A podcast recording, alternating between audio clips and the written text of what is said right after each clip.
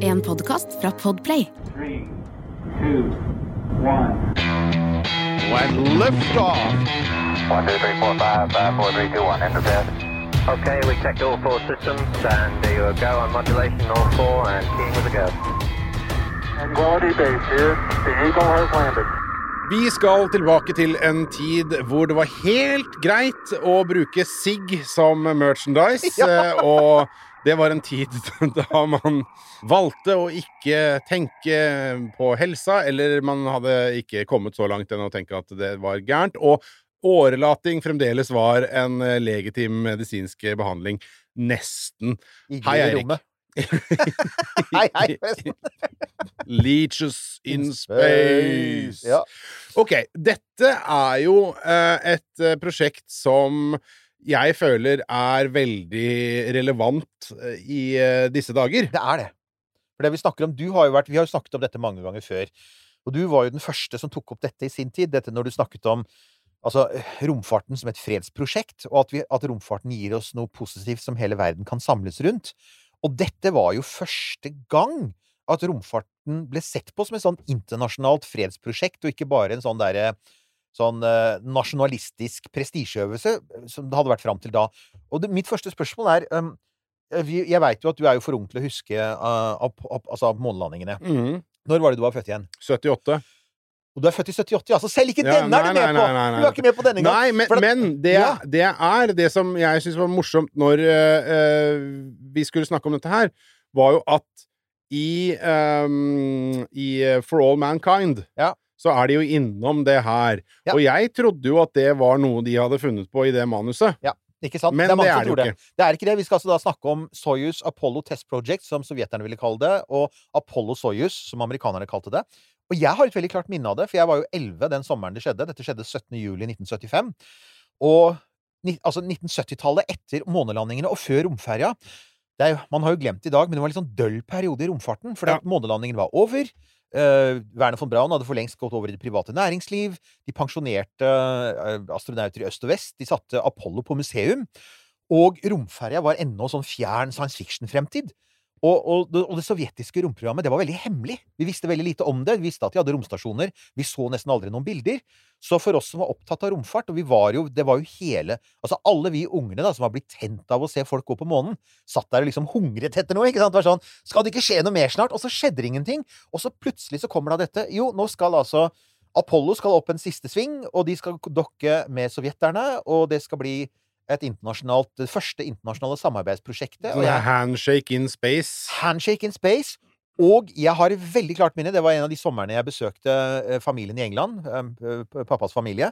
Så jeg bodde hos onkelen og tanta mi, og jeg husker at um, uh, fetteren min han, var, han er på min alder, og han var også veldig opptatt av romfart. All, alle var det. så det var, Han hadde sånn modell av Saturn 5 i hjørnet og plakater på veggene og sånn. ikke sant?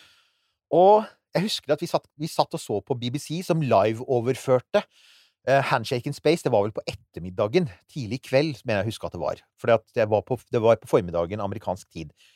Og det jeg lurer på da, er faktisk eh, til våre lyttere, for jeg veit at noen av de, dere er gamle nok til å huske det. Jeg vet ikke hva NRK gjorde. Altså I England så ble det liveoverført. For der var det, det ble sett på som en veldig stor begivenhet.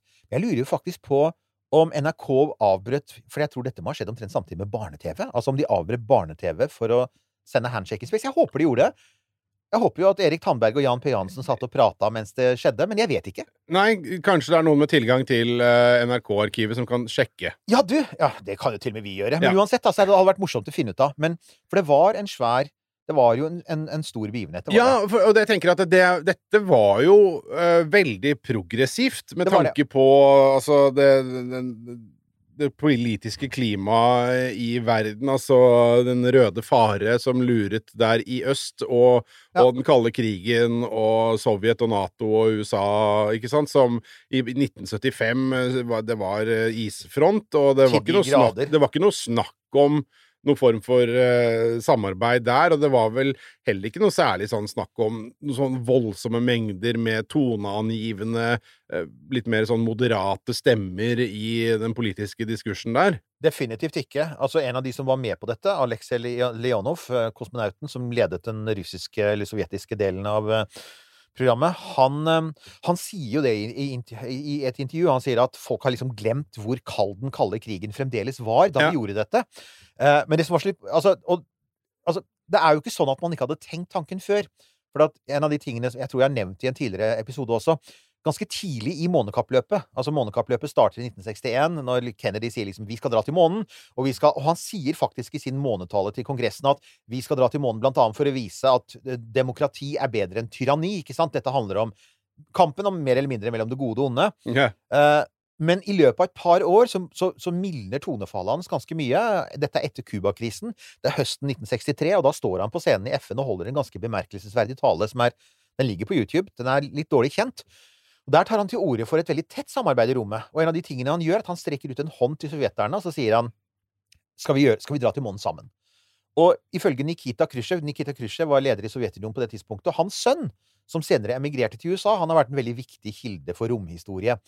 Han sier da at faren hans kom hjem fra møter i partipresidiet eller sentralkomiteen, de som styrte Sovjetunionen, og sa i, i, i dag har vi diskutert helt seriøst å ta imot tilbudet fra Kennedy. Og så begynte de å legge planer for hvordan Sovjet og USA skulle samarbeide i rommet på 60-tallet. Noen få måneder etterpå så blir Kennedy skutt i Dallas, og Johnson overtar. Og de har ikke den forholdet til Johnson i det hele tatt, og opplever han som mye hardere mot Sovjetunionen, så de trekker seg. Og hele ideen om å samarbeide dør, og da blir det jo romfart på begge sider et nasjonalt prestisjeprosjekt.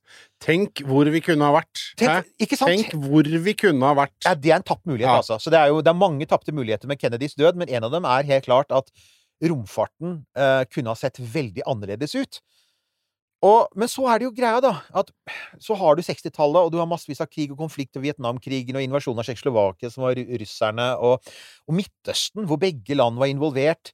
Og på begynnelsen av 70-tallet så begynner, begynner ting å myknes litt opp. Man begynner å snakke om at vi trenger nedrustning.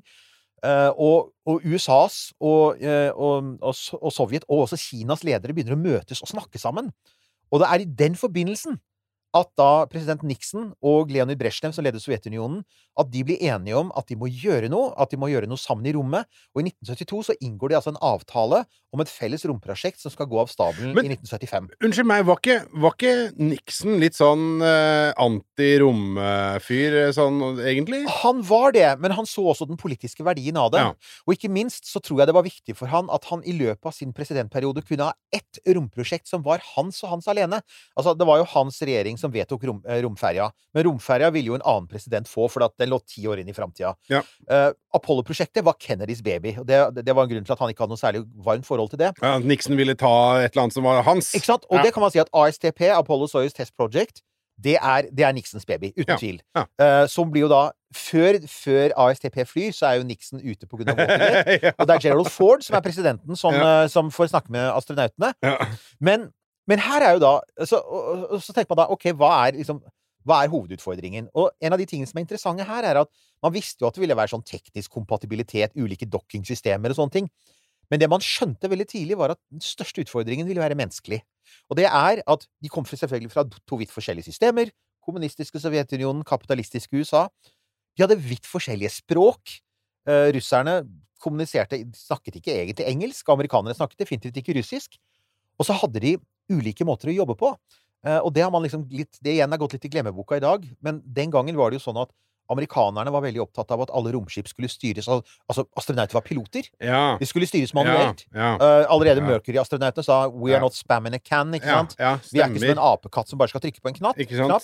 Sovjeterne var veldig for automatisering. Det er for øvrig den sovjetiske modellen som har vunnet, for i dag er alle romkapsler automatiske. Ja. Men den gangen så var, var det veldig forskjellig, og amerikanerne hadde et veldig nedlatende forhold til det. De så ikke på kosmonautene som ordentlige ah, piloter. Selv om alle kosmonauter selvfølgelig var piloter, så så de ikke på dem så det. Så, så NASA måtte faktisk be dem liksom dempe denne retorikken, for at det ble sett på som veldig fornærmende på den andre siden. Og så tenker jeg eh, En annen utfordring her må jo også være at her har, du har jo på en måte to militærstyrker, egentlig. Ja. Altså Alle astronautene på begge sider er er jo folk som kommer fra det militære. Så de eh, skal på en måte møtes da i mer sånn fredsprosjekt, eh, på en måte. Ja, Det er et veldig godt poeng, og det betydde blant annet også at det var mye hemmelighold, ikke Ja. minst på sovjetisk side. Så, og det var ikke jeg klar over før jeg Jeg har jo kjent prosjektet lenge og sånn, men jeg måtte jo researche det litt ekstra før denne sendinga. Og da oppdaget jeg blant annet at sovjeterne hadde jo for eksempel aldri sett en, det vi i dag tar for gitt, å se en rakettoppskyting live. Nei. De hadde jo ikke det, for en ting var at det var prestisje, og man ville Det var Det hendte jo det gikk feil. Som da vi, vi snakket jo om Venera-sondene, om at de Venera-sondene som ikke kom av gårde, de fikk bare et annet navn, og så ble de behendig glemt. Ikke sant? Eh, så man viste ikke live-oppskytinger i tilfelle noe gikk galt. Og dessuten så var veldig mange av ferdene til sovjeterne på denne tiden var til Saljut-romstasjonene, som var militære på den tiden. Så det var masse hemmelighold. Og så Ikke bare var det sånn altså, Men når du skulle sende opp folk til, uh, til Apollo, da, så kunne ikke sovjeterne de kunne ikke, altså, de kunne ikke vente i en uke. Fordi at dette, dette handshake and spake skulle være live. Ja. Så de kunne ikke da, sånn som de vanligvis gjorde, vente en uke med å vise det på TV. Eller så viste de litt på Vremja, som var deres dagsrevy. Sånn, ok, her, her i Våre kosmonauter gjennomførte en heltemodig ferd for uh, kommunismens glorie, ikke sant? Nei, nei. De måtte faktisk vise selve oppskytingen, og så måtte Ja. de vise dokkingen live, og så måtte Ja. de vise handshake live. Ja. Så det var et stort steg. Og så fikk eh, Så måtte jo eh, disse astronautene måtte trene sammen. Ja. Så amerikanerne dro til Star City utenfor Moskva for å trene, og fikk besøke Baikonur. Og sovjeterne fikk besøke Houston for første gang. De fikk komme inn i hverandres romkapsler. Det hadde jo ingen gjort før. Ja, og så tenker jeg akkurat den biten der, da, med, for at eh, no, amerikanerne hadde jo sikkert aldri sett innsida av, eh, av en Soyuz, sant? Ikke sant? Og sovjeterne hadde kanskje sett innsida av en, en Apollo De, de hadde sett bilder, liksom. Men sant? det var det, ja. Ja, men, men så tenker jeg det at det, den prisen, da, for at man sier at den prisen man betaler der med å eksponere utstyret sitt, eh, hvis det er lov å si, da, til, ja. til fienden, så tenker jeg at eh, den prisen er jo lavere for amerikanerne i og med at de på en måte var ferdige Ja. med Apollo. Mens, mens russerne hadde jo liksom Soyuz som eh, Soyuz. alle, alle sine egg. 1202. Det, det er helt sant. altså Sovjeterne betalte i så måte en, en, en høyere pris enn amerikanerne, for dette var jo siste gang Apollo fløy. Ja. Uh, og de var i full gang med å bygge et radikalt nytt system, som de definitivt ikke slapp noen sovjetere inn i med det første. Nei. Så men jeg syns jo den beste delen av denne historien er jo det som skjer når da det amerikanske teamet, eh, Tom Stafford, som da var eh, erfaren astronaut, han var, han var pilot, han fløy blant annet på Apollo 10, som var den ferden som nesten landa på månen. Og så er det Deke Slayton eh, og Vance Brand. Vance Brand ble etter hvert romferiepilot. Deke Slayton er litt interessant, for det er han, det er han Mercury-astronauten. Han skulle ha fløyet i den andre ferden rundt jorda etter John Glenn. Og så ble han tatt ut av programmet, for han fikk en sånn liten hjertearytmi. Ja. Og så blir han astronautsjef, så du ser han i filmer. Ja, ja, Dick. Slayton er blant annet med i For All Mankind. Ja, ja, ja. ja, ja. Eh, Dick Slayton er med i Apollo 13. Det er han som tar beslutningen om å, å, å ta en av astronautene og sette ham på bakken fordi han tror han er meslinger. ja, Ken Mattingly. Nemlig. Ja. Og det er også Dick Slayton som tar den endelige avgjørelsen om at det er Neil Armstrong og ikke Buzz Aldrin som skal gå først ut på månen. Ja. Dick Slayton var leder for astronautprogrammet, og det var han i stor grad for å, for å forsøke å komme tilbake igjen. Ja. Så han brukte jo hele 60-tallet på å komme i form. Han slutta å røyke, han slutta å drikke kaffe og alkohol, sant? og spiste vitaminer og gjorde alt mulig slags merkelig mumbo jumbo. Og i 1972 så tar han en ny hjertetest, og da er ikke arytmien der lenger. Og da blir han klarert for å fly. Problemet da er at den siste måneferden er gått. Ja. Romferja skal ha en helt ny kategori med astronauter, så det er ikke aktuelt. Det er bare én ferd som gjelder. Det, Og han gjør alt han kan for å si 'jeg må med på det, for det er min siste sjanse'. ja. Hvis han er sjef, så kunne han vel eh, utnevne seg sjøl. Nei, da tror jeg ikke han var sjef lenger. Altså, og, så det var, men han ble jo da Men som NASA Altså, alle var enige om at Dick Slayton var selvskreven. Det var, det var jo nesten ingen som visste så mye om astronautikk som han, for han hadde jo han hadde jo jobba med alle astronautcrewene som var fram til, til eh, Ja. Ikke sant? Ja. Så, så, han ble, så han fikk jo da endelig den sjansen. Um, og på, på Soyuz-siden så var det da Aleksej Leonov, som er legendarisk for å ha vært det første mennesket som eh, vandret i rommet. Han ville nok også ha vært den første sovjetiske månefareren. Og igjen, han er det vel faktisk i For All Mankind, så er Aleksej Leonov det første mennesket på månen. Ja. Så hvis sovjeterne hadde kommet først, så ville han vært det.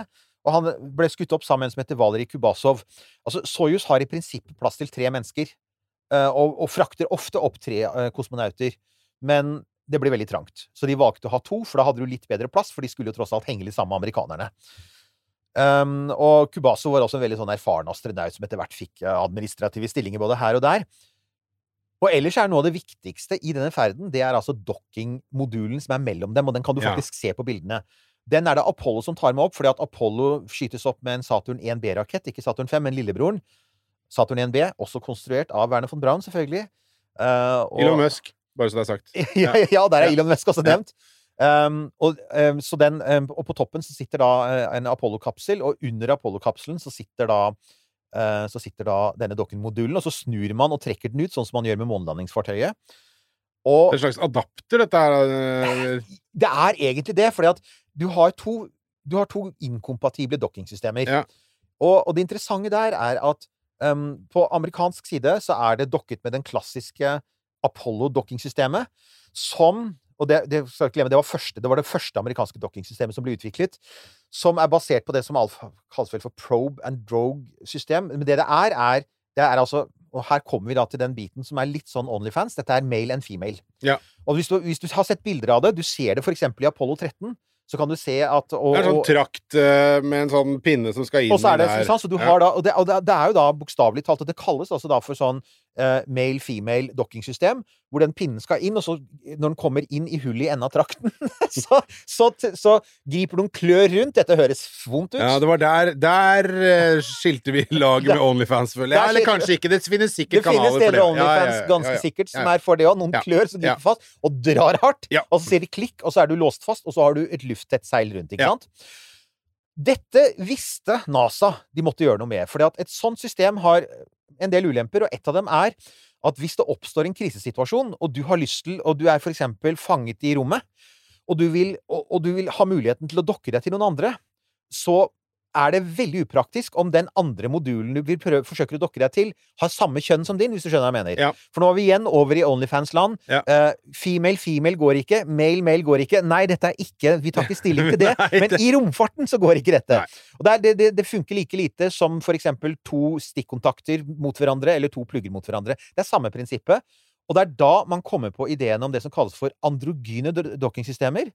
Og androgyn er jo da i, i, i praksis um, kjønnsnøytrale.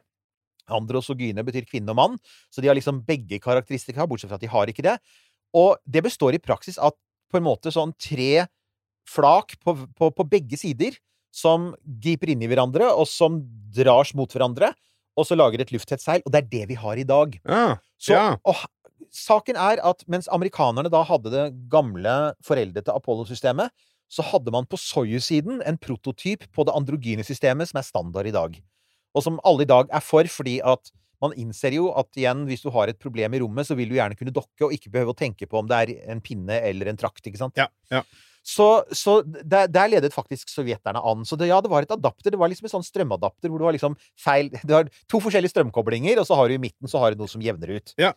Og det andre var at det var et atmosfæreadapter, fordi sovjeterne, igjen, som alle gjør i dag, Ja. bruker normal atmosfære som vi har i dette rommet. Ja. Mens amerikanerne i Apollo gikk for en ren oksygenatmosfære for å kunne ha lavere trykk i kabinen.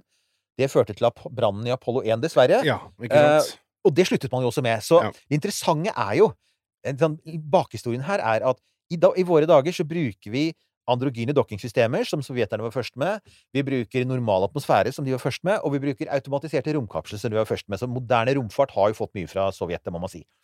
Jo, men det Uh, det det vi var, var vi for så vidt Ja. uh, klar over. Uh, og så Men det, men det, men det er jo viktig, da, for at dette var noe NASA tenkte på på den tiden. For de var jo på 1970-tallet fordi de gjennomførte dette superrisky Apollo-prosjektet. For det gjorde man jo. Alle visste det. Apollo måtte stoppe på et eller annet tidspunkt fordi månelandingene var så farlige. Men én mulighet var jo sånn, om ikke noe gikk galt på månen, var sånn marooned in space. Ja. Hva om du er fanget i rommet, og vi ikke har et backup-romskip klart? Kunne da for eksempel sovjeterne hjelpe oss? Og det var noe av det som var den tekniske grunnen til at man også skulle gjennomføre Apollo-Soyuz. Det var ja, Så det var ikke bare en, en sånn symbolsk handling? Det var faktisk ikke det. Altså, Ingeniørene i NASA var veldig for dette her, for at de mente at dette kunne lede fram til ikke bare mer romsamarbeid, men faktisk også gi oss backup-løsninger i tilfelle noe går galt i rommet. Ja. Så, så kunne teoretisk sett så kunne man da sende opp et romskip fra en annen stat, og så kunne de koble seg på. Ja. Så det er ikke, altså, å, å ha standarder for ting er jo aldri en dårlig, dårlig greie. Nei, det har, det, det har man funnet ut etter hvert, at det kan lønne seg. En lite stikk der til Apple, som fortsatt holder på med den der rare Ikke sant? Altså, inkompatible standarder er stort sett en dårlig ting. Ja. Så er det jo da Men det, det, det virkelig morsomme her igjen, det virkelig morsomme i denne historien, er jo hvor gode venner disse folka blei. For det blei de jo. Og det finnes en del film altså, der ute av eh, For eksempel så, så, så jeg her forleden i forbindelse med researchen Filmer av sovjetiske kosmonauter som er på besøk på en farm i Texas og spiser barbecue i cowboyhatter. Og de koser seg sånn, og de har det så bra. Yes, it's the sign of free west. Ja, ja, ja. Barbecue Coca-Cola. Og det var så veldig og, og ikke minst, da, og som alle sier, altså det, det var jo helt avhengig av personlighetene. Og mye av dette handler om at uh, igjen, Alexei Leonov hver gang du ser han, han er en sånn litt sånn kortvokst mann med sånn, litt sånn rundt månefjes, men han er Alle sier han Han er jo død nå, dessverre. Men han var en legende. Han var ikke bare som romfarer, men også fordi han var en sånn grunnleggende positiv person. Og han utstrålte positivitet. Han var for eksempel Han var jo en veldig dyktig kunstner. Og tegnet jo, han tegnet jo portretter av de amerikanske astronautene mens han var om bord. Uh, han pleide å si Altså, alle lærte seg hverandres språk. uh, men Tom Stafford, amerikanernes pilot, han snakket med en så tjukk Oklahoma-aksent at Leonov da sa at eh, det ble snakket tre språk om bord. Russisk, engelsk og oklahomski. og så hadde de jo De drev jo De, de pranka hverandre. Det er jo noe av det beste. Så for eksempel så hadde um, Altså, etter The Handshake in Space, så skal de da liksom sånn tas bilder av, og så skal de spise hverandres mat. Og da har da Leonov kommet på den briljante ideen, eh, og, det- var å ta på tuber med eh, russisk suppe, borsj, vet du, rødbetsuppen, Ja. som er i sånne Ser ut som tannpastatuber. For det, de spiste jo mat på tube den gangen. Eh, kaffe og borsj ble servert i tuber om bord i Soyuz. Så hadde han fjernet de gamle etikettene, og så hadde han klistra på vodkaetiketter. Og så sier han da til amerikanerne Som dere sikkert vet, det er russisk, og det, de hadde jo vært i Russland, så dette vet jo. Hvis du møter en russer for første gangen, så er det vodka på bordet, og du drikker til du stuper. Det er liksom tanken. Sånn blir du venner i Russland, ikke sant? Det var hans greie. Jo, jo. Og, de, og du ser det, det fins film blant annet da, av Deke Slayton som bare sier Oh shit, for det er jo strengt alkoholforbud. Og de er på TV internasjonalt, ikke sant? Skal de nå filmes i ferd med å drikke seg fulle om bord i verdensrommet? Og så klemmer han på den, og så oh, gudskjelov, det er borst, ikke sant? sånn, Prank! Men amerikanerne svarte jo, da, for når de da kobler fra uh, Apollo Soyuz eh, eh, etter, etter 44 timer var det vel sammen, sammenkobla. Så idet Apollo driver bort fra Soyuz, så hører russerne, for de snakker med hverandre over radio, eh, så hører russerne plutselig at det er sånn derre De hører lyden av eh, champagnekorker som sprettes, og glass som klirrer mot hverandre, og damestemmer og musikk i bakgrunnen, og liksom Hei, gutter, hva er det som skjer? Ja, nei, vi bare har et lite sånn farvelparty her, vi, så ha det bra, sayonara, liksom. Ja, men hva var det som skjer? Og så skjønte de plutselig at Apollo-astronautene hadde da gjort opptak av en fest i Texas, og spilte av opptaket på radio, bare for å pranke. Og nede på bakken i Moskva og i Houston så sitter jo folk og flirer seg skakke. Så stemningen var utrolig god, er egentlig poenget her. Og den var såpass god at, at um, uh, amerikanerne fikk, sørget for at den mest um, den, En av de mest kjente countryartistene på den tidspunktet, Conway Twitty Og jeg visste Jeg har jo hørt navnet. Jeg, tenkte, jeg, jeg trodde det var en tegneseriefigur. Det var det jo ikke. Det var jo artistnavnet hans. Ja, ja, men han er jo han er veldig sånn rhinestone cowboy. Ja, er han ikke det? Jo, jo, jo. jo, jo, Jo, jo veldig. Jeg, var, jeg måtte jo sjekke, tenkte, det var et rart navn. Han het jo ikke egentlig det. Han het egentlig Harold Lloyd Jenkins. Litt sånn Jim Reeves-karakter. Ja, han og Conway Twitty er da Conway er en by i Alabama, og Twitty er et lite sted i Texas. Så der har man liksom sånn definitivt eh, country. Han har en kjempeslager som heter uh, Hello Darling eller sånt nå. Uh, Darling. Uh, og den hadde de fått laget en russisk versjon av, som de da spilte for sine russiske venner. 1202. Men, men altså, dette her er jo igjen et sånt bevis på eh, hvor godt det kan gå, og hvor fint ting kan være når folk er villige til å prøve, ikke Ja. sant? Og, og legger seg i sjela for å være venner, istedenfor å drive med kjekling. Ikke sant? Og dette var jo også noe som vi alle kunne se. Igjen så husker jeg jo dette. Jeg husker disse bildene av smilende astronauter. Du, du Mm. ser at du, dette er fem voksne menn som virkelig har det hyggelig sammen. Som gjør litt eksperimenter og gjør litt målinger og sånn. Men stort sett så henger de rundt og prater skit og koser seg i rommet. Og det kan jeg si at på det iskalde 1970-tallet, Ja, ja. med Vietnamkrigen fremdeles sånn ru- rumlende i bakgrunnen, eller nettopp ferdig, og alle mulige forferdelige ting som skjedde rundt om i verden hvor supermaktene var involvert, så var dette Det var en sånn veldig sånn deilig avbrekk. Og det ble jo da også det ble jo avspeilt i populærkulturen. Blant annet så var det da selvfølgelig Det kom masse altså frimerker, plaketter, T-skjorter, merch. Også da favoritten, som du var inne på. ja eh, Sigg. Sigg! Ja, og det, det, det får meg bare til å tenke på så La. Laramie fra, fra Simpsons, Ja. eh, som eh, driver med sånn skamløs markedsføring, og barnet ditt har det best med Laramie-sigaretter og, og totalt. sånne ting. Eh, og, og dette her er jo, det er jo deilig. Altså, det er jo det også er en sånn derre uh, zeitgeist fra en svunnen tid, altså hvor uh, Ja, selvfølgelig må vi ha noe sigg. Og det er jo ikke småtteri heller, for det er jo Philip Morris, som er en av verdens største tobakksprodusenter. Og så var det et sovjetisk eh, selskap som het Glav Tabak. Det høres eh, veldig ut som en sånn statlig selskap. Så de samarbeidet om dette. Og så fikk du da eh, Det var amerikansk tobakk som ble brukt. Det var vel sånn Virginia-tobakk, tror jeg, som ble brukt i sigarettene. Det gjorde dem veldig populære i Sovjetunionen. Selvfølgelig. Ja. For at sovjeterne hadde jo, de hadde jo sin egen innhemske produksjon av tobakk, men de var Ja. av Jeg røyker jo ikke selv, men jeg har skjønt at den eh, sovjetiske tobakken kunne være ganske røff i kantene. For å si det sånn, eh, på 90-tallet, da jeg var eh, tenåring, så var det veldig masse russiske trålere som lå til kai i Ah, Horten. Eh, og det var mulig å bytte bort eh, egentlig alt som ikke var eh, skrudd fast eller spikra fast i byen, Mhm. eh, mot da noen kartonger med noen sånne russiske sigaretter som eh, Ja, altså det er vel en grunn til at uh, det ikke selges uh, på en måte over disk uh, Ja. i eh, Norge i dag. Det må jeg si. Ikke sant? Det var vel ikke den fineste cubanske eh, Eller Virginia-tobakken som var i disse her, eh, disse her Du bekjente at du fikk kreft eh, med en gang du tok et drag av den siggen der.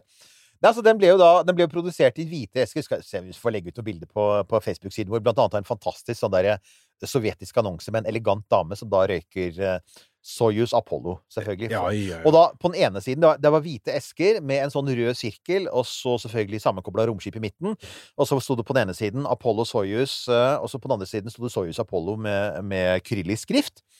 Eh, var ikke, disse var ikke veldig populære i USA, mest pga. prisen, for man hadde prisa det litt høyt. Ja. Men i, i Sovjetunionen, som sagt, var det en bestselger. De solgte milliarder av dem i mange, mange, mange år. Og det var så populært at selv etter at Sovjetunionen falt, så fortsatte man å produsere dem på lisens. Jeg tror det var Kasakhstan. Jeg har forsøkt å se om det er i salg nå, men jeg har ikke klart å finne det. Men, men altså, hvis noen av dere der ute skulle tilfeldigvis skulle ha en Soyuz Apollo eller Apollo Soyuz så, så ta vare på den, for jeg mistenker at det er sånn som du kan få litt for Ja, på det er sikkert. Særlig hvis den er uåpnet. Men poenget, da, det, det det kokte ned til her, var jo at alle så at dette her hadde vært en stor suksess. Det, er så vidt jeg kan skjønne, så er det ingenting her som skurrer. Nei. Det var teknisk perfekt gjennomført, politisk kjempebra. Uh, Gerald Ford, presidenten i USA, han var fornøyd. Brezjnev i, i Sovjetunionen var også fornøyd. Dette, hadde, dette var en totalt vinn-vinn. Så det man begynner å tenke, er så, så skal, vi, skal vi gjennomføre Apollo Soyuz vers, altså vers, versjon 2. Ja. Sant? Man hadde begynt å legge litt planer fordi Altså, det var jo ikke noe problem for, problem for, for, for sovjeterne, for de hadde jo Soyuzer. Ja. Så Soyuz 19, som de hadde brukt her, og de hadde jo da Soyuz 20 eller Soyuz 23 eller hva søren.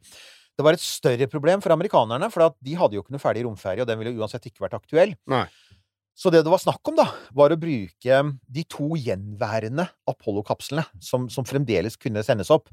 Og den første var da den som da eh, formelt sett het Apollo CSM, Command Service Module 119. Um, dette var en backup-kapsel som skulle vært brukt i tilfelle Skylab-astronautene ikke kom seg ned. Så kunne man sendt opp den. Den var faktisk bygd for å ta fem astronauter, så du kunne hatt fem astronauter der òg, men dæven så trangt. Ja. Uh, da skulle du ha to astronauter som kjørte Apollo opp, for igjen, de hadde ikke automatisk dokking. Igjen, det kan man tenke det, det er, Automatisk dokking er praktisk, sånn som nå når russerne kunne sende opp en ny Soyuz når den gamle svikta her for noen måneder siden. Åpenbart. Ja. Ikke sant? Mens amerikanerne, av insisteringen fra astronauter på at de skulle ha piloter om ha bord, ja. måtte ha minst to mann til å styre den, så du måtte ha da by- bygge om denne. Men den kunne, det ville ikke være så vanskelig for dem å bygge dem om til å være med på ASTP2. Og det fantes til og med en ekstra kapsel, eh, CSM 115, som riktignok ikke var ferdig bygd, men også den kunne gjøres klar, sånn at man hadde en backup-kapsel og et backup-mannskap. Og i så fall så ville da Mannskapet ville da blant annet vært eh, Al Bean, en kjent altså, Han var vel på månen. Ronald Evans og Jack Lausma. De ville vært da eh, primary crew, hovedmannskap, på ASTP2. Faktisk var backup-mannskapet det samme som på ASTP1, sånn at i, det, et, det finnes et univers der Dick Slayton får fly to ganger. Ja. Og får møte Aleksej Leonov enda en gang og pranke hverandre. Jeg tenker meg det, Hva skal vi finne på denne Hei gangen? igjen, gamle ørn. Hei igjen, gamle Ja, ørn. ikke sant? Så hvorfor skjedde det ikke? Vel, altså, bottom line, det handla mye om penger, selvfølgelig. Det handlet om at det ville koste ca. 120 millioner dollar å, å gjøre alt klart. Bygge en ny dockingadapter, eh, konvertere disse to eh, Apollo-kapslene, eh, gjøre klar en Saturn 1B. Ja, uten at det ble mye penger for noe som egentlig kanskje ikke hadde så mye sånn teknisk og vitenskapelig verdi. Og så var det selvfølgelig Men det, det viktigste problemet var faktisk menneskelige ressurser. Og det var at på dette tidspunktet, etter 1975, så er man i ferd med å flytte ut f.eks. alle de gamle Apollo-simulatorene som astronautene trente seg opp på. De var i ferd med å flyttes ut, og man var i ferd med å flytte inn romferiesimulatorer. Ja. Nå var romferieprogrammet kommet så langt at man var begynt å se hvordan cockpit skulle se ut. Man har begynt å trene de første romferiecrewene.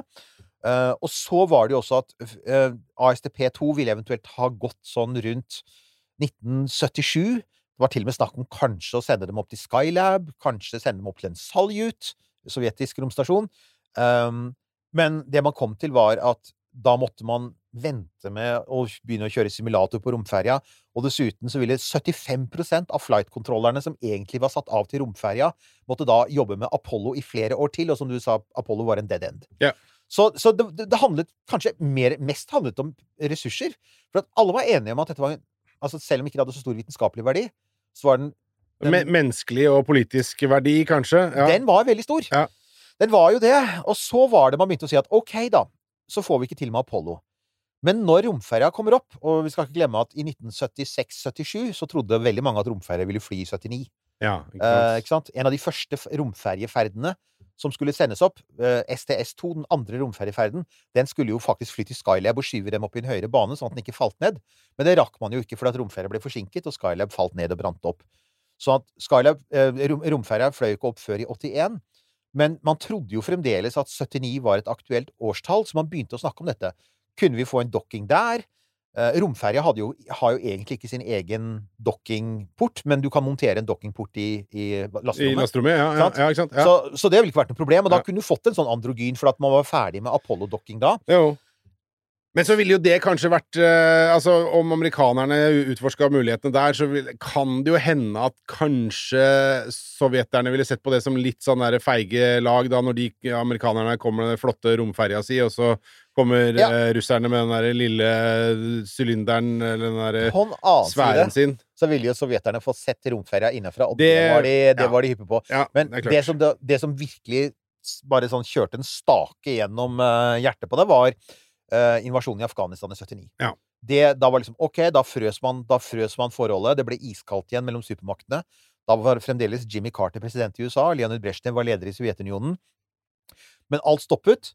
eh, og så begynte man Så alle planer om å gjøre noe med Shuttle og, og, eh, og Soyuz datt ut. Og så vinner Reagan valget i 1980. Ja. Og når han kom til makten, så var det i hvert fall uaktuelt. Ikke sant?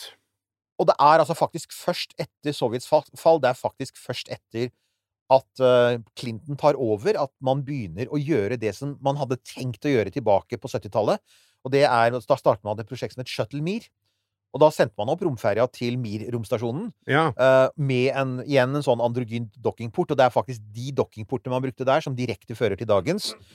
Så det var et veldig viktig samarbeidsprogram, for det førte direkte til romstasjonen slik vi kjenner den i dag. Shuttle Mir var forløperen for det, og det handlet både om teknologi, men også om å, utvikle teknikker for å samarbeide. Altså felles kommunikasjonsspråk, trening, alt dette med at man kunne jobbe sammen.